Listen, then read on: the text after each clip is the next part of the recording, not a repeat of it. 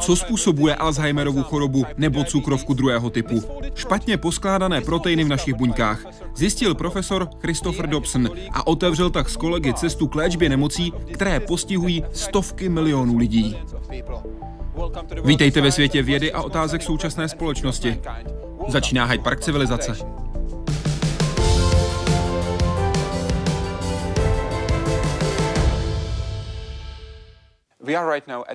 Teď jsme v sídle děkana St. John's College na Cambridgeské univerzitě.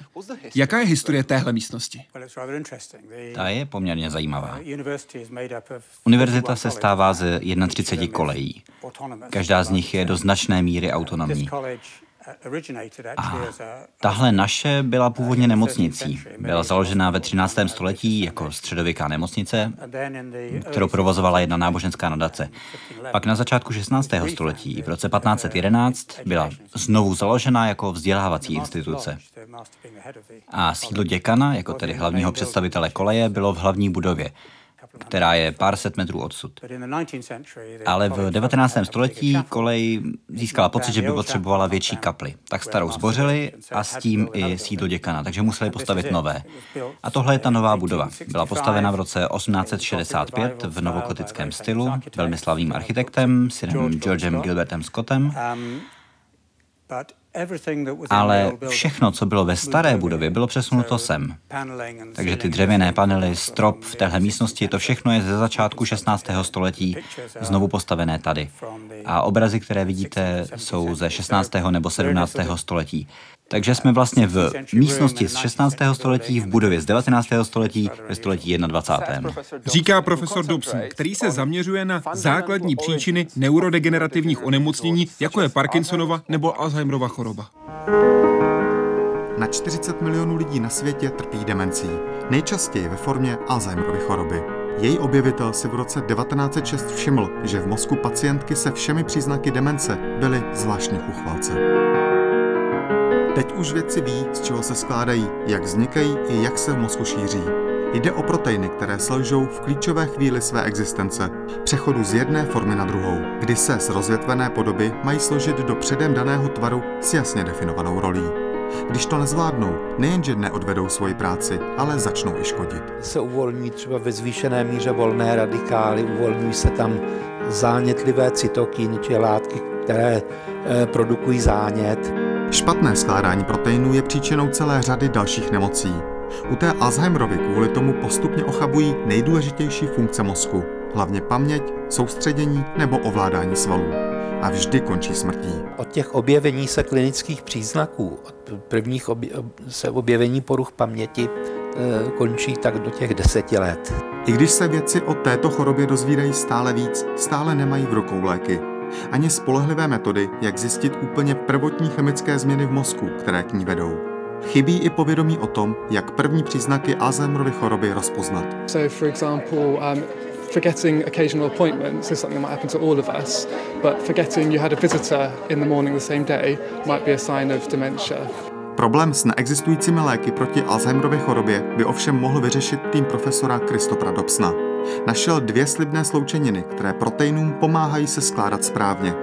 Na červech nebo odstomilkách jim zabrali.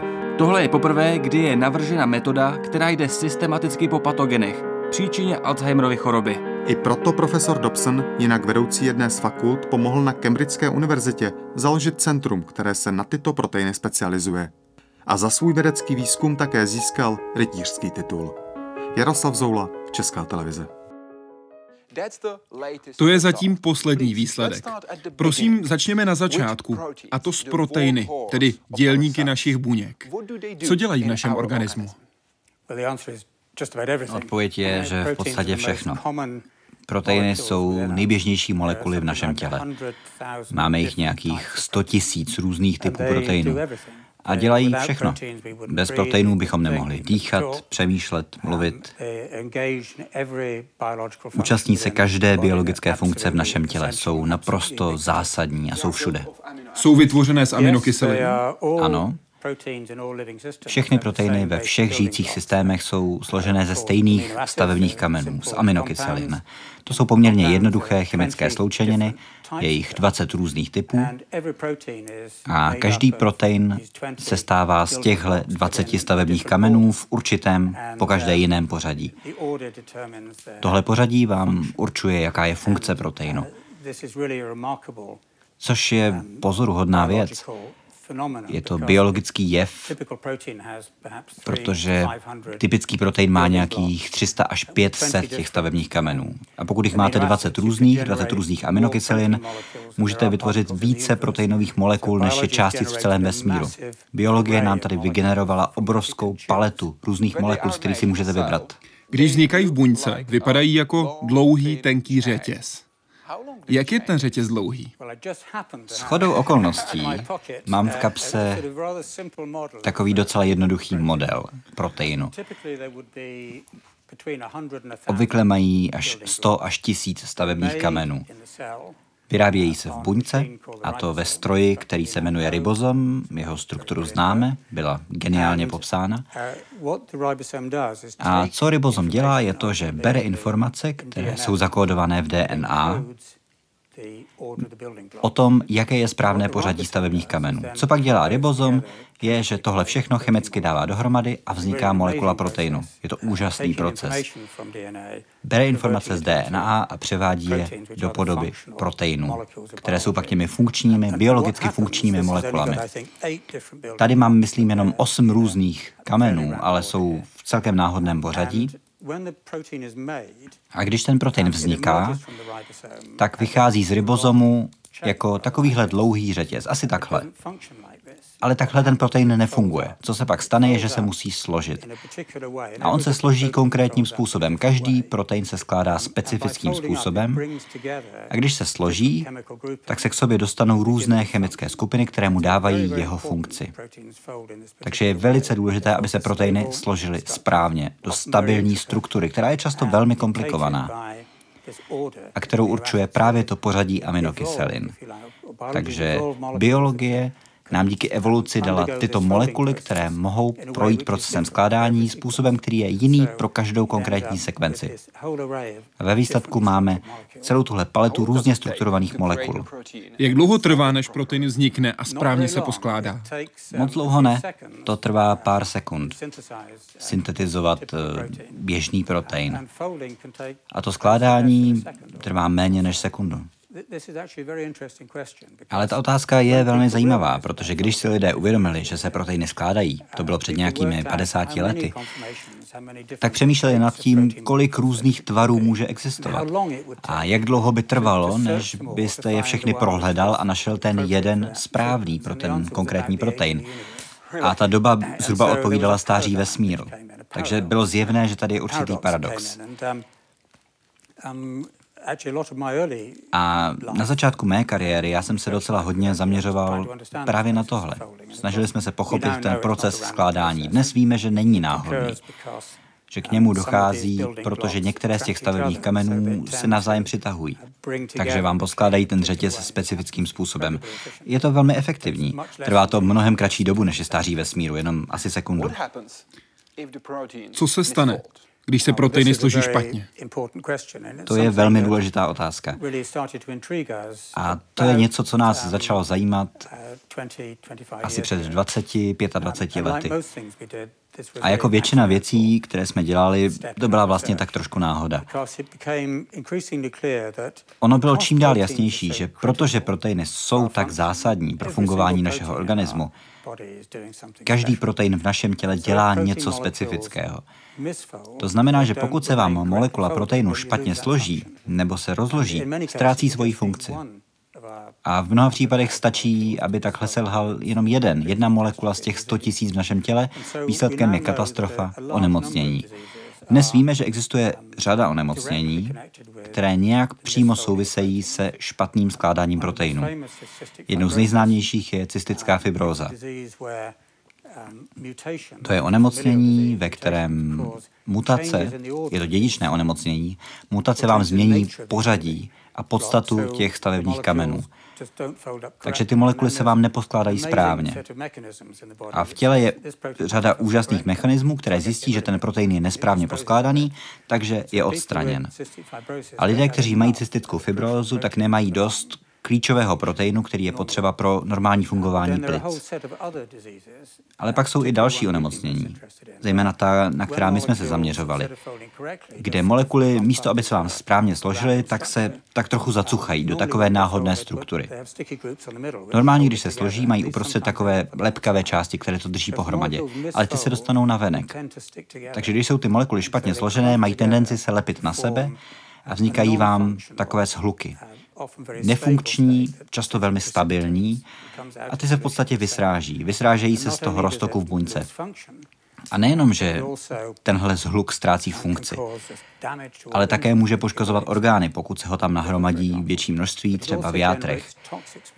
Ale také vznikají toxické odrůdy a tyhle toxické odrůdy mohou buňky zabíjet.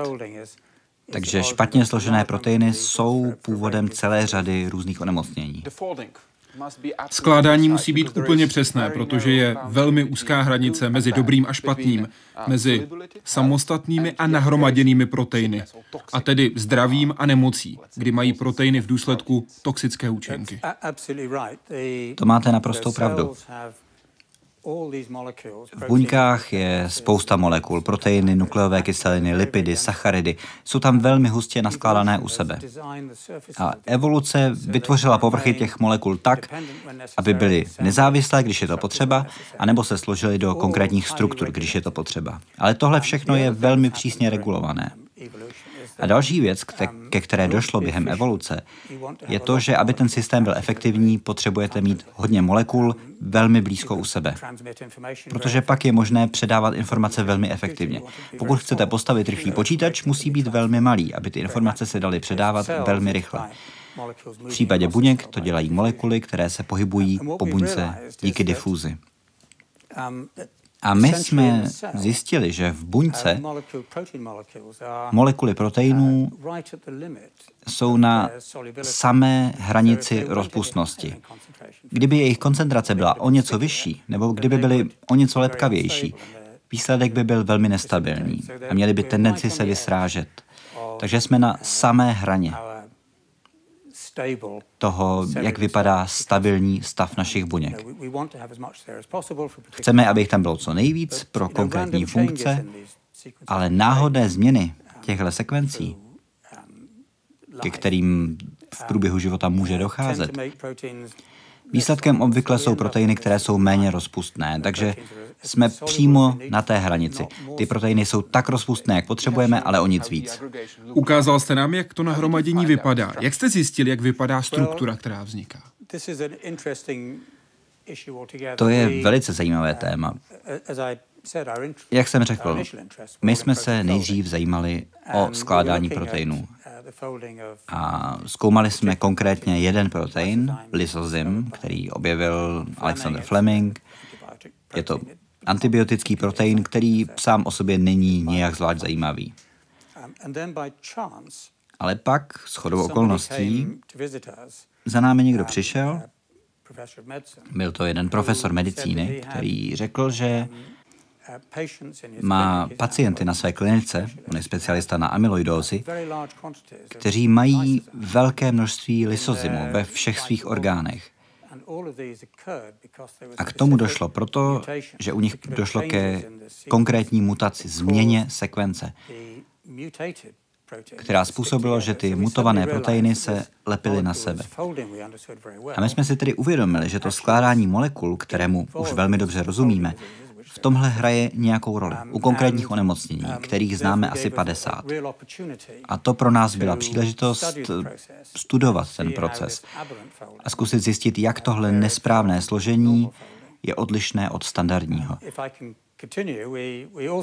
A pokud můžu pokračovat, říkali jsme si, že tyhle špatně složené proteiny, které vedou k takovým vláknům, které vidíte ve všech těchto strukturách, nějak musí s tou nemocí souviset. Že něco je v té sekvenci, co k této formě vede.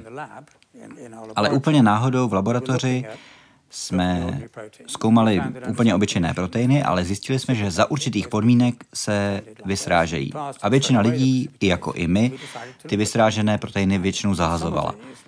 Ale my jsme se na ně rozhodli podívat a zjistili jsme, že vidíme přesně ta amyloidová vysrážená vlákna, která vidíme u těch nemocí. A tak jsme si uvědomili, že i úplně obyčejné proteiny mohou vytvářet takovéhle struktury. Že to není nic úplně neobvyklého z hlediska našich znalostí proteinů, ale je to neobvyklé z hlediska biologie. Takže pak jsme vzali řadu různých proteinů a určovali jejich strukturu s použitím standardních technik, jako je rentgenová difrakce, elektromikroskopie. Takže jaký je správný přístup k výzkumu? Stanovit si cíl a jít za ním? Nebo udělat něco a najít na tom něco, čemu nerozumím?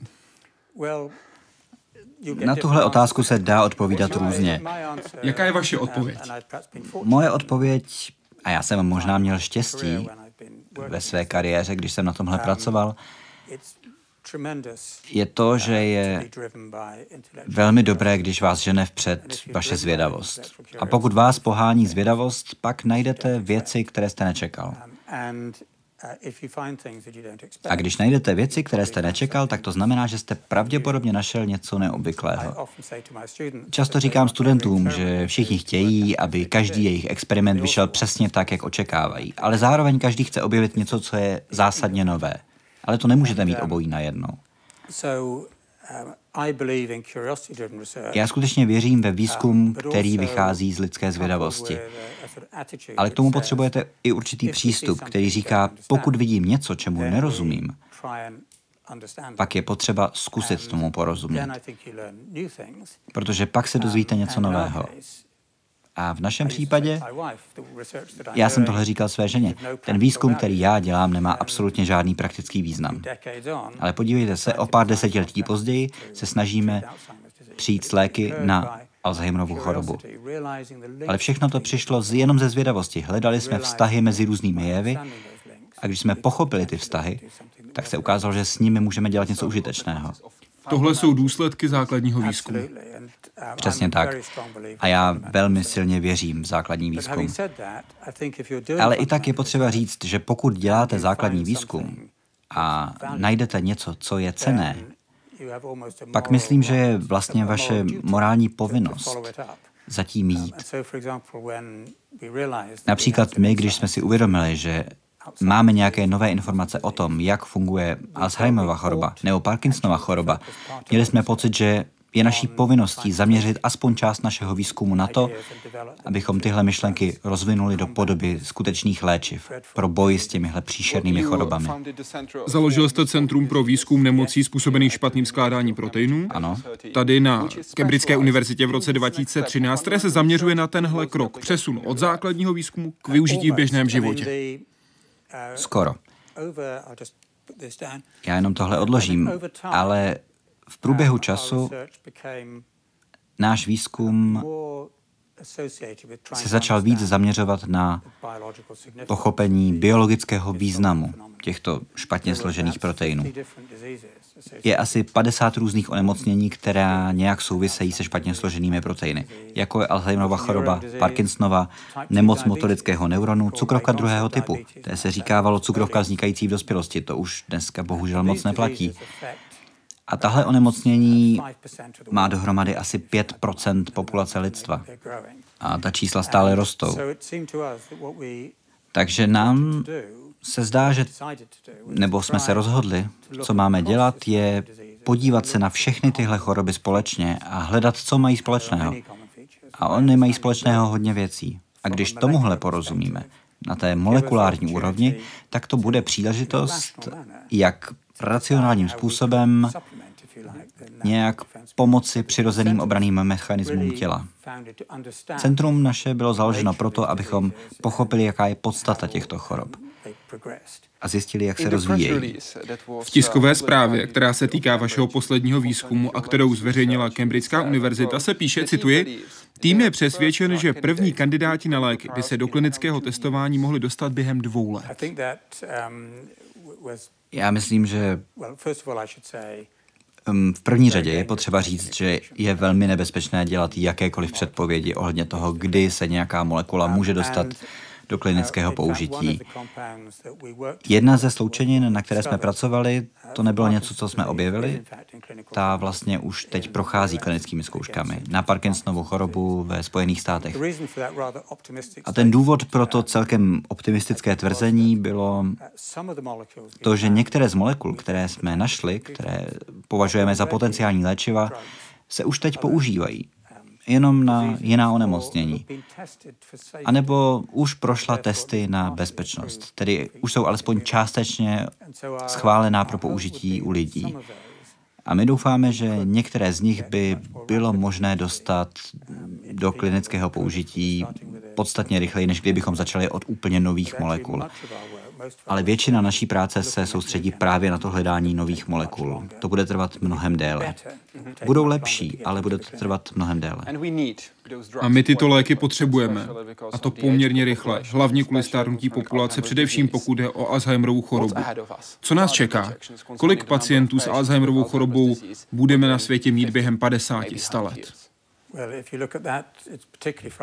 Tahle čísla jsou dost děsivá, pokud se na to díváte v takovémhle časovém horizontu. Ale někdy v roce 1980 Alzheimerova choroba byla v podstatě neznámá jako specifické onemocnění. Do statistik se vůbec nezapočítávala a tak dále. Ale od té doby ten počet případů dramaticky rostl. Zejména proto, že lidé jsou dnes více diagnostikováni s touto chorobou, ale také proto, že je mnohem běžnější. A důvod, proč je mnohem běžnější, je to, že souvisí se stárnutím. A délka života se prodloužila obrovským způsobem za posledních byť 50 let. Takže ve věku 65 let máte šanci, řekněme, jedna ku 100, že se u vás rozvine Alzheimerovo onemocnění. Ve věku 85 už je ta pravděpodobnost jedna ku třem nebo jedna ku dvěma. Často říkám, že pro lidi narozené dnes je riziko, pokud s tím tady něco neuděláme, že se u nich rozvine Alzheimerova choroba, zhruba stejné jako měli lidi ve 14. století, že se u nich rozvine dýmějový mor. Trvá to o něco déle, ale ta statistika je stejně dost děsivá. A co se stalo z hlediska stárnoucí populace? To není jenom to, že žijeme déle, ale to, že počet lidí, kteří žijí ve věku 65 plus, je mnohem vyšší než dřív. Já myslím, že statistika říká, a mělo by to být víceméně správně, je, že ze všech lidí v dějinách lidstva, kteří dosáhli věku 65 let, jich víc než polovina je dneska naživu. To je opravdu moderní jev. Když se podíváte na celý svět, tak aktuálně máme nějakých 40 milionů lidí, kteří mají Alzheimerovu chorobu. A protože roste počet starších lidí, tak se očekává, že za nějakých 30 let už by to mohlo být 140 milionů lidí. A dál už ani nechcete uvažovat, protože ta čísla jenom porostou. Samozřejmě nejhorší je ta lidská stránka nemoci. Ano. Nejde jen o pacienta, ale také o jeho nebo její rodinu a přátel. Jaké jsou ekonomické důsledky této nemoci? Jenom abych řekl něco k tomu prvnímu, to máte naprostou pravdu. Je to velmi ničivé onemocnění. Odhaduje se ve Velké Británii, že Náklady na péči o tyto lidi, a ne léčbu, péči, jsou asi 30 miliard liber ročně. Ve Spojených státech je to asi 200 miliard dolarů. Ale když se podíváte na ta čísla ze Spojených států, je to 200 miliard dolarů letos, ale v roce 2050 už se odhaduje, že by to mělo být víc než 1 bilion dolarů. A pokud si to sečtete, tak Spojené státy utratí za 30 let za péči o lidi s Alzheimerem. Jen za péči, ne za vyléčení. Ano, víc než 20 bilionů dolarů. A tohle není zachraňování životů, to není léčba, to není prevence, to je pouze a jenom péče. A to znamená ušlé pracovní dny a tak dále. A ve světě jako celku, já myslím, že to může stát nějakých 100 bilionů dolarů. celou naší příští generaci. A zmínili jsme, že mluvíme jen o Alzheimerově nemoci, ale špatné poskládání proteinů je příčinou také, jak jste zmínil, třeba cukrovky druhého typu. Tu má 400 milionů lidí. Právě teď. A opět ta čísla dramaticky rostou. Rizikovým faktorem u Alzheimerovy choroby je rostoucí věk populace. U diabetu je to zejména strava a obezita. 400 milionů lidí je opravdu hodně lidí a Opět, tohle je velmi poškozující choroba. A další věc, která je důležitá, a Alzheimerova nemoc je tady velmi dobrým příkladem, je to, že my o tom většinou přemýšlíme, jako že to je něco, co napadá primárně bohaté země. Ale očekává se, že v roce 2050 nějakých 70% případů Alzheimerovy choroby bude v zemích se středním nebo nižším příjmem. To znamená, že pokud my máme problémy s naším zdravotnictvím, jejich situace bude mnohem horší v těch méně bohatých částech světa. A původ i tohoto problému můžeme vysledovat zpátky až k proteinům, dělníkům našich buněk. V těle je všechno propojené. Ano, všechno to je propojené. A vlastně jeden způsob, jak nad tímhle přemýšlet, je to, že všechno v těle musí být vyvážené a proteiny nejsou v ničem odlišné. Tomuhle se často říká homeostáze proteinů. Potřebujete, aby proteiny byly ve správném počtu, ve správném místě, ve správné době a se správnou funkcí. A dnes víme, že existuje skupina chorob, které všechny spolu nějak souvisejí, protože všechny nějak souvisejí se ztrátou homeostáze proteinů. A jakmile se tahle rovnováha ztratí, třeba v důsledku toho, že jeden konkrétní protein se začíná skládat špatně, tak se spustí všechny možné obrané mechanismy a celá řada dalších proteinů ztrácí svoje regulační funkce a svoji regulační schopnost. Pokud můžu dát příklad, který je možná trošku hloupý, já myslím, že je to trošku jako e-mail. To už dobře není úplně moderní, ale když jste mladý, přichází vám určitý počet e-mailů, máte spoustu času na to si je projít a pročistit. A jak jste starší, dochází vám čím dál tím víc nevyžádané pošty a trvá dlouho, než si v tom uděláte pořádek. A to nevadí, dokud jste schopen si v tom ten pořádek udělat. Problém je, jak se vám začne ta schránka zahlcovat. A pak už nepoznáte, co je užitečné a co k ničemu není. A z toho už je velmi těžké se dostat.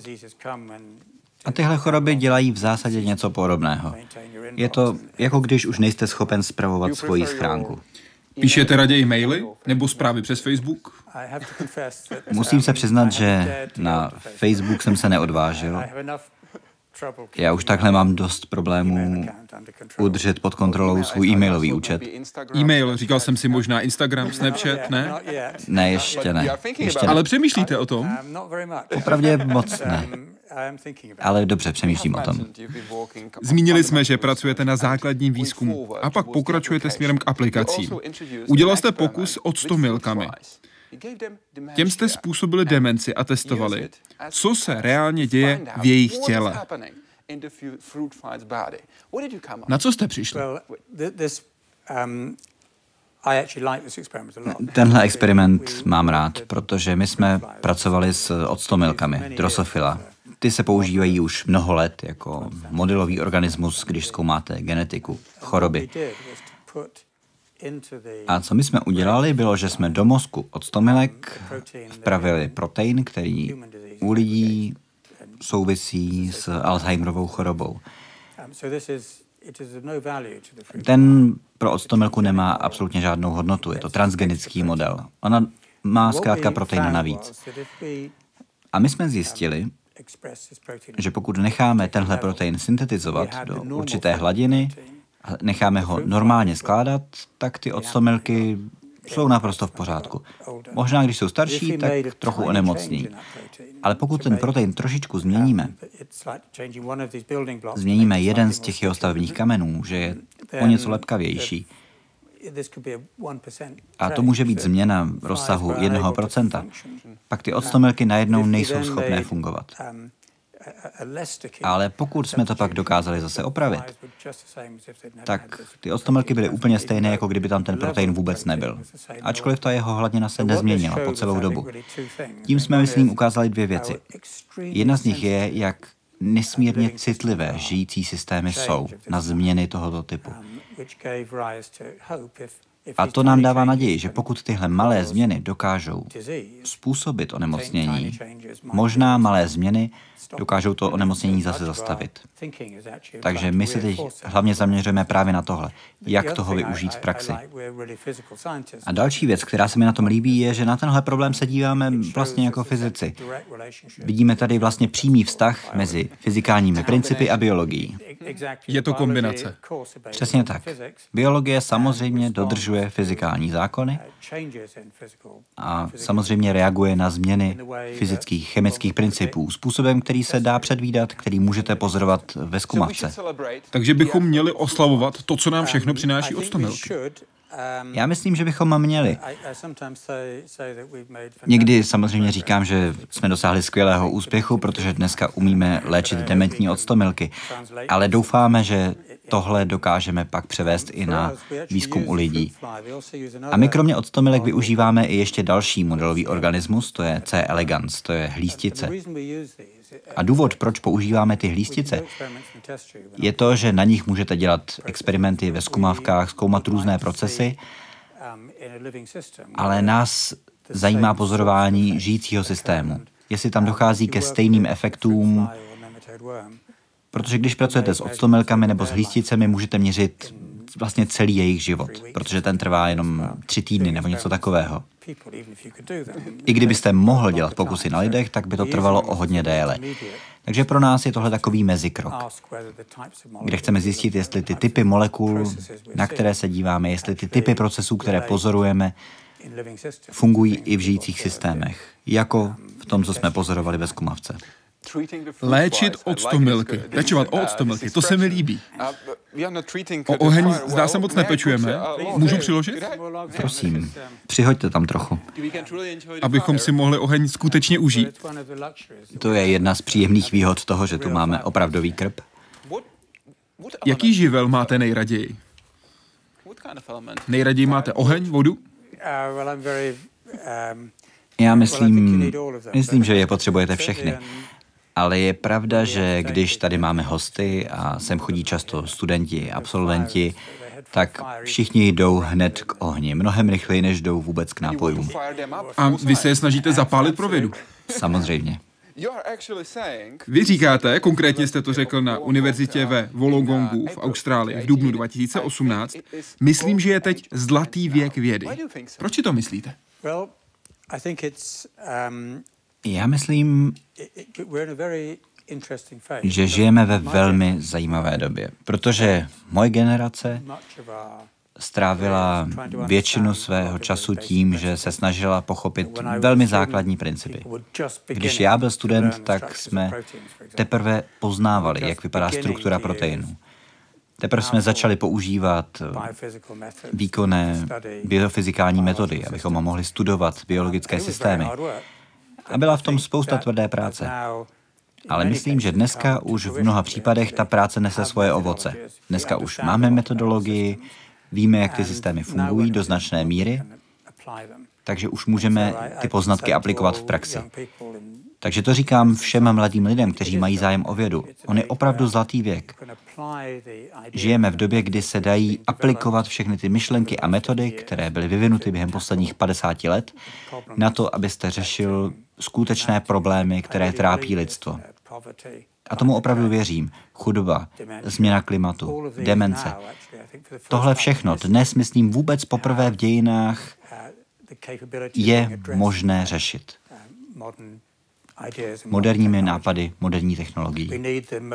Potřebujeme tu motivaci, ale a potřebujeme na to lidi. Také jste řekl, cituji, věda nikdy neměla takovou sílu, jakou má dnes. Myslíte si, že věda zároveň nikdy nebyla tak nebezpečná, jako je dnes? To je velmi dobrá otázka. Já myslím, že obecně platí v dějinách historický vývoj, technologický vývoj vždycky měl svá pozitiva a pozitivní dopady na život, ale vždycky byl použit třeba na výrobu zbraní. Myslím, že opravdu teď jsme v pozici, ve které můžeme rozhodovat a říct, ano, chceme použít vědu pro dobré účely. Ale je to o tom, jestli máme tu vůli. Samozřejmě, potřebujeme vůli, politickou vůli, potřebujeme vědět, jaké jsou názory těch, kdo chtějí dělat vědu. Já jsem optimista. Já si myslím, že lidé si stále více budou uvědomovat, možná díky těm sociálním médiím, která nepoužívám, že skutečně existují způsoby, jak se z těch problémů dostat. Že to jsou problémy, do kterých nechceme zapadnout. A ano, pro mnoho lidí je to frustrující jakého dosahujeme pokroku v boji se změnou klimatu například. To je teď velké téma a dělá se proto spousta věcí, abychom s tím zkoušeli nějak bojovat. To samé platí pro lidské zdraví. V rozhovoru pro humansofscience.org v srpnu 2018 jste řekl, všichni musí mít možnost vytvořit se vztah k tomu výzkumu, který děláme, a to díky tomu, že budou rozumět, jaký má dopad na jejich životy. Vysvětlují vědci svůj výzkum dostatečně? Ta odpověď je jednoznačně ne, protože toho nikdy nemůžete dělat dost. Um, Ale myslím, že je velmi povzbudivé, že dnes se mnohem víc pozornosti věnuje tomu, jak velkou moc má věda a technologie. Například v boji se změnou klimatu, v boji s různými onemocněními.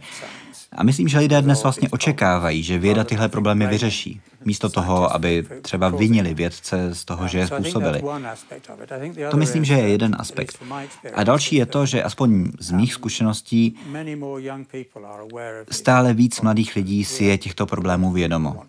A máme dneska spoustu lidí, kteří chtějí pracovat v našem centru, protože mají nějaké příbuzné, kteří mají Alzheimerovou chorobu. A říkají si, že to je něco, na čem je potřeba pracovat. A mladí lidé, myslím, si stále víc uvědomují, že je potřeba používat vědu právě pro tyto dobré účely. A komunikace s veřejností je velmi důležitá. A myslím, že historicky se nám to neúplně dařilo. Ale váš pořad tomu velmi pomáhá. Jste moc hodný, děkuji. Ale myslím, že je to opravdu důležité, protože v konečném důsledku základní výzkum, ale i aplikovaný výzkum je velmi nákladný. A skutečně potřebujete, aby veřejnost řekla, ano, tohle chceme. Protože jinak nebudou ochotni platit svoje daně proto, aby byly posílány na vědu. A potřebujeme lidi informovat o tom, že se snažíme dělat něco dobrého. Mluvíme o faktech, o tom, čemu člověk věří, o lidské vůli. V roce 2013 jste se setkal s jeho svatostí Dalajlámou. To je pravda. Co jste se od něj naučil? Já myslím, že jedna z věcí, které jsem se naučil, bylo to, že je to velmi zajímavý člověk, je velmi vstřícný, velmi přátelský a je upřímně přesvědčen o tom, že je potřeba mír mezi lidmi.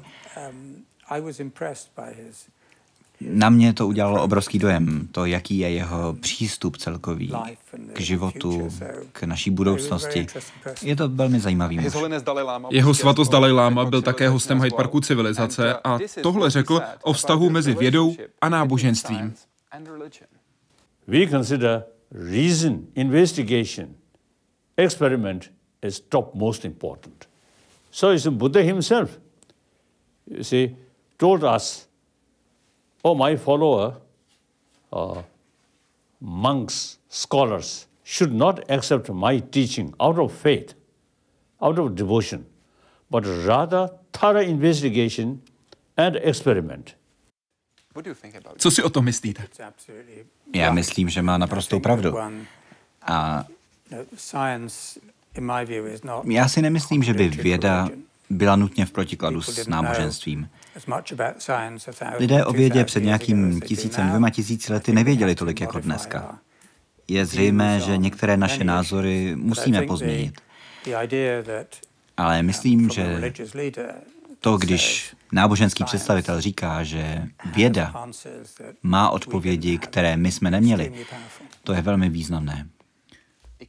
Zkušenosti, nápady, okamžiky a místa, která mění lidi, můžou být velmi rozmanitá, různá pro různé lidi. Váš otec vstoupil během druhé světové války do armády a stal se důstojníkem. V roce 55 byl poslán do Nigérie a vy jste, tehdy jako pětiletý, jel také do Nigérie. To je pravda. Oba moji rodiče pochází z hrabství Yorkshire, vyšli školu ve věku nějakých 14-15 let, což v té době bylo normální. A můj táta nastoupil k armádě, když vypukla válka. Sloužil na různých místech, byl v Německu v roce 49, to vím, protože tam jsem se narodil. Ale tam jsme strávili jenom asi rok, pak jsme se vrátili do Anglie. Ale jak říkáte, v roce 1955, a dneska to zní asi překvapivě, celá rodina odletěla do Lagosu, takovým hodně starým letadlem, ale dostali jsme se tam. A pro mě tohle bylo naprosto klíčové období mého života. Já tam strávil tři roky, ale byly velmi dobře ohraničené, takže pro mě je to vlastně celé moje dětství. To je to, co si z dětství pamatuju nejvíc. A hrozně se mi tam líbilo. Byli tam úžasní lidé, to místo bylo hrozně zajímavé. Ani to klima nebylo tak hrozné, protože jsem trávil většinu času v moři. Ale myslím, že takhle už ve velmi raném věku jsem se mohl setkat s úplně jinou kulturou a naučil jsem se si ji vážit a prožít si ji velmi hlubokým způsobem. A od té doby jsem vždycky měl rád poznávání nových kultur. Rád cestuju protože to mění váš pohled na svět. A tehdy to bylo velmi bezpečné místo. Uh, ano, já myslím, že to je asi dneska těžké pochopit. Um, Ale pokud si pamatuju, nikdy jsme neměli žádný problém s bezpečností. Já jsem chodil po místních trzích, jezdili Jezdil jsme... Jste do bažin? Ano, mezi mangrovy, vy jste dobře informovaný. Jezdili jsme do bažin mezi mangrovy a samozřejmě museli jsme se bránit proti některým chorobám. A jedna z nejsilnějších vzpomínek z mého dětství je to, že jsem každý den musel brát tabletu paludrinu proti malárii, což bylo hrozně nepříjemné, protože ta tableta byla velká pro pětiletého, aby ji spolknul a navíc je velmi hořká. Takže skoro to cítím v krku, jenom o tom mluvím, jak je to hrozně hořké a moje máma se to snažila schovávat do marmelády, ale kromě toho paludrinu a jeho chuti, prakticky všechny moje vzpomínky jsou velmi šťastné. A vyučovala vás právě vaše matka, a to přesto, že do školy chodila jen do 14 let. Ano. Váš otec do 15. Ano. Ale stejně, vám se podařilo dostat na Oxford. Jak jste se dostal na Oxford? Poněkud zvláštním způsobem, ale pokud se můžu vrátit ke svým rodičům. Prosím. Oni to byli chytří lidé. Můj Otec pracoval ve financích a v armádě dělal logistiku. Pak tedy se pustil do finanční kariéry, ale sice neměl formální vzdělání, ale byl to velmi chytrý člověk. A moje máma byla nesmírně chytrá. Její otec zemřel, když ona byla teenager a to v té době byl velký problém. Musela jít pracovat, aby přežila. Přesně tak. Ale Díky armádě mně se dostalo vzdělání v Nigerii, já tam chodil na armádní školu a armáda podporovala vzdělávání svých lidí. Takže mně se dostalo vlastně velmi dobrého vzdělání, a to zadarmo, což v té době bylo normální. A nikdo z mých příbuzných, moje starší sestra šla na univerzitu do Sheffieldu, ale Jinak to nebylo něco běžného. V mé generaci většinou vaši rodiče na univerzitu nechodili. A já jsem přemýšlel, jestli bych se nepřihlásil na Oxford nebo Cambridge, ale moje škola mi řekla, že na to v žádném případě nemám. Rozhodně ne na Cambridge a na Oxford, takže jsem si podal přihlášku na jinou univerzitu, na dobrou univerzitu. A když přišly výsledky zkoušek, tak schodu okolností náš soused měl nějaké kontakty v Oxfordu a tam s někým mluvil a mě skoro na začátku semestru požádali, um, pozvali mě do Oxfordu, takže jsem tam se setkal s vyučujícím chemie a Mluvil jsem s tím děkanem, který byl teolog. Dal jsem si čaj s teologem a když jsem odcházel, řekl, uvidíme se v říjnu. Takže jsem se tam dostal velmi neortodoxním způsobem a bál jsem se, že to nebudu zvládat, ale byla to úžasná příležitost a tu jsem vůbec nečekal. O několik týdnů později, to bylo v říjnu nebo listopadu, vám přišel dopis. To je pravda. Ta druhá univerzita mě velmi laskavě propustila, takže jsem si musel podat oficiální přihlášku na Oxford, takže jsem ji poslal a přesně jak říkáte, brzy poté, co jsem přijel na Oxford, mi přišel velmi zdvořilý, ale neústupný dopis, který řekl, že moji přihlášku zamítli. Tak jsem tu obálku vzal a strčil jsem ji do šuplíku a na rozdíl třeba od finančních úřadů už mi nikdy nic dalšího neposlali. Tak jsem tam zůstal. A jsem velmi rád, že jsem to udělal. Takže vy jste byl studentem na Oxfordu, i když Oxford říkal, pardon, ale nemůžete být studentem na Oxford. Ano, nejdřív moje škola řekla, že na to nemám, pak kolej v rámci toho univerzitního systému řekla, že mě tam chce, ale byrokracie řekla, že tam nemám co dělat. Ale byrokracii můžete do určité míry ignorovat. Jak jste řekl během přednášky pro Královskou chemickou společnost v roce 2018, cituji, kolem chemie se točí věda. Co si o tomhle výroku myslí fyzici? Asi bych měl být opatrnější, co říkám o ostatních disciplínách, ale já myslím, že většina fyziků by asi se mnou i souhlasila. Protože chemie se zaměřuje na molekuly. To je pro ní klíčové.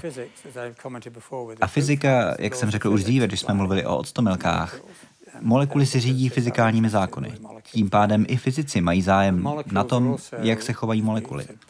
Ale molekuly, jak jsme taky předtím už řekli, jsou samotným základem biologie, žijících systémů. A já myslím, že chemie je vlastně takovým propojením mezi fyzikálními principy a biologickými funkcemi a procesy. Uh, Během rozhovoru na univerzitě ve Wollongongu jste v dubnu 2018. Vy jste ale vážně dobře informovaný. Řekl, že probíhá stále víc mezinárodní spolupráce a stále víc a víc interdisciplinárního výzkumu. A to je velmi dobrá změna ve výzkumu. Chemici se soustředí na fyziku a obráceně. Když jsem byl studentem, tak jste byl považován spíš za zrádce, když jste se jako chemik zatoulal do biochemické laboratoře. Um, Já myslím, že to je um, pravda. Um, a myslím si, že to je vlastně zajímavý historický vývoj. První profesor chemie tady na Cambridge nastoupil v roce 1702.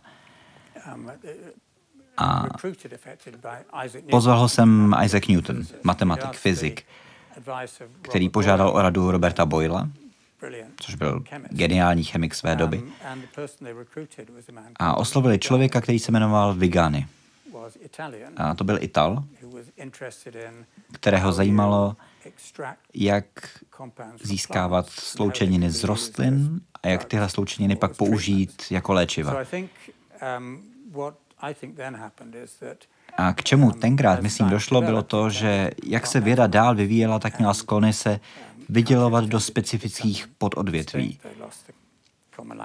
A vědci ztratili svůj společný jazyk, latinu. A od té doby myslím, že si lidé uvědomili, že je potřeba se zase dát dohromady, mezinárodně, napříč disciplínami, že to je ta cesta vpřed. A tohle nás, myslím, vždycky pohánilo vpřed. My jsme vždycky byli velmi interdisciplinární. Vždycky jsme měli lidi, kteří byli matematici a fyzici a biologové a všichni pracovali v rámci našeho jednoho výzkumného týmu. A jsme stále víc mezinárodní, což nejenom znamená, že získáváme talenty z celého světa, ale také získáváme nové úhly pohledu, protože ti lidi vyšli z trošku jiných vzdělávacích systémů. V našem centru máme teď zastoupených asi 30 různých národností a spoustu různých disciplín a všichni pracují společně. Naučili se společný jazyk a mohou řešit problémy spolu. Věda je zábava. Vaše slova. Ano. Co vás na vědě baví nejvíc? Já myslím, že mám dvě odpovědi. Na té čistě lidské úrovni nejzábavnější je komunikovat s jinými lidmi, zejména s mladými lidmi, s kolegy. A to je úžasné, obklopit se mladými lidmi, kteří jsou nadšení pro to, co dělají. A je zábavné jenom komunikovat s lidmi z celého světa, kteří jsou nadšení a zapálení pro svou práci. A náš přístup je dát jim velikou svobodu, takže já se od nich učím, myslím, mnohem víc, než oni se učí ode mě.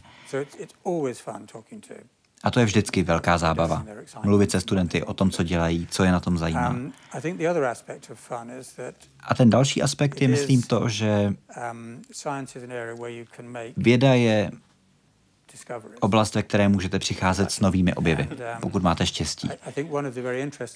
A já myslím, že jedna z nejzajímavějších věcí, jak jsem řekl, když mluvím se studenty, všichni chtějí, aby jejich experimenty fungovaly přesně tak, jak očekávali, ale zároveň chtějí objevit něco, co je zásadně nového, což ale nejde najednou. Ale myslím, že pokud provádíte experimenty a přistupujete k ním otevřeně, děláte základní výzkum, chcete najít tu odpověď, ta odpověď velmi často není to, co jste čekal. Ale právě tam je to zajímavé, protože tam si uvědomíte, že na tenhle problém se dá podívat z nového úhlu. A tohle vám přinese nové myšlenky. A to je úžasné. Mít nový nápad, jít za ním. A pokud máte štěstí, tak se ukáže, že ten nápad byl opravdu dobrý a že změní pohled ostatních na ten problém. A takhle věda pokračuje. Provádíte experimenty, snažíte se pochopit, co znamenají, a pak si to ověřujete. A to je opravdu zábavné. Poslední otázka, která mě hodně zajímá. Chtěl bych vědět, jaká jsou pravidla expertů a pomocníků. Když, ehm, když naše děti byly malé, zejména starší syn, tak jsme spolu hráli hry. A on byl vždycky ten expert a já byl vždycky ten pomocník. Takže nešlo o jednu hru, ale o více her, šlo o role. On byl expert a expert je ten, kdo vymýšlí pravidla. Dobře. Tohle pochopil hodně rychle. Ale já myslím, že i tohle na mě mělo docela velký dopad. Teď se vrátím k jedné dřívější otázce. Já si pamatuju, jak jsem jednou vyzvedával si na ze školy, když mu bylo asi sedm. A on mi řekl, víš, co nám řekla učitelka? Říkám, nevím. Nejdůležitější je ve škole se dobře bavit. A tohle ho nikdy předtím nenapadlo. A byla to pro něj úplně nová informace. Ale já myslím, že určitým způsobem já sebe vnímám, a rozhodně dneska, jako pomocníka. Myslím, že spousta lidí, kteří se vnímají jako experti, nejsou zas takový experti, jak si myslí. A já si myslím, že mladí lidé jsou opravdu výjimeční. Jsou výjimeční v tom, jak se umí dívat na problémy. Přistupují k ním opravdu otevřeně. Jsou inteligentní, dneska jsou často výborně vzdělaní. A já myslím, že stál víc a víc naslouchám tomu, co oni mi můžou říct. Já si opravdu myslím, že oni jsou ti experti a já jsem ten pomocník. A někdy říkám, že mojí hlavní rolí je poskytnout mladým lidem prostředí, ve kterém se jim bude dobře dařit. A pokud se jim bude dobře dařit, pak se dočkáme nových objevů, dalšího pokroku. A jedna z věcí, na které já jsem upřímně hrdý, je to, že asi 100 lidí, kteří pracovali se mnou, jsou dnes sami vědci a pracují na univerzitách, ve výzkumných ústavech, ve společnostech na celém světě. A oni využívají svoje odborné znalosti, aby si jejich studenti mohli stát experty a oni pomáhali jim. Říká profesor Dobson, moc děkuji za rozhovor. Já děkuji vám. Bylo moc příjemné si s vámi povídat. Já myslím, že jste pokládal velmi důležité otázky, zajímavé otázky a díky něm jsem se i já zamyslel nad těmi věcmi, co děláme. A pokud tohle pomůže podpořit mladé lidi v tom, aby se zapojili do vědeckého výzkumu, pokud to pomůže lidem jako celku, aby pochopili, že to, co děláme, děláme s dobrými úmysly, třeba v případě Alzheimerovy choroby, to je naprosto zásadní. Protože pokud se podaří, a já si myslím, že se to podaří, najít způsob, jak omezit riziko rozvoje těchto chorob a budeme je schopni léčit, tak zabráníme něčemu, čemu by bylo velice dobré zabránit. Abychom tenhle mor 21. století dokázali potlačit tak, jako jsme potlačili ty minulé. Doufám, že to tak bude. Mnohokrát děkuji. Já vám děkuji. A děkuji vám, že jste dnes sledovali Hyde Park civilizaci. Rozhovor najdete v češtině i angličtině na našem webu www.hydeparkcivilizace.cz. Děkuji moc a přeji hezký večer.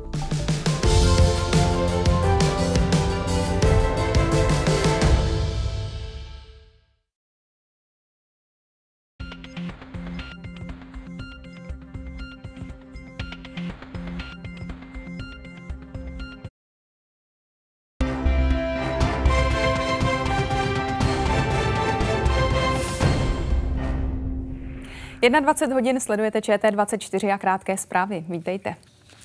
Slovensko už od rána volí novou hlavu státu. Favoritkou je právnička Zuzana Čaputová.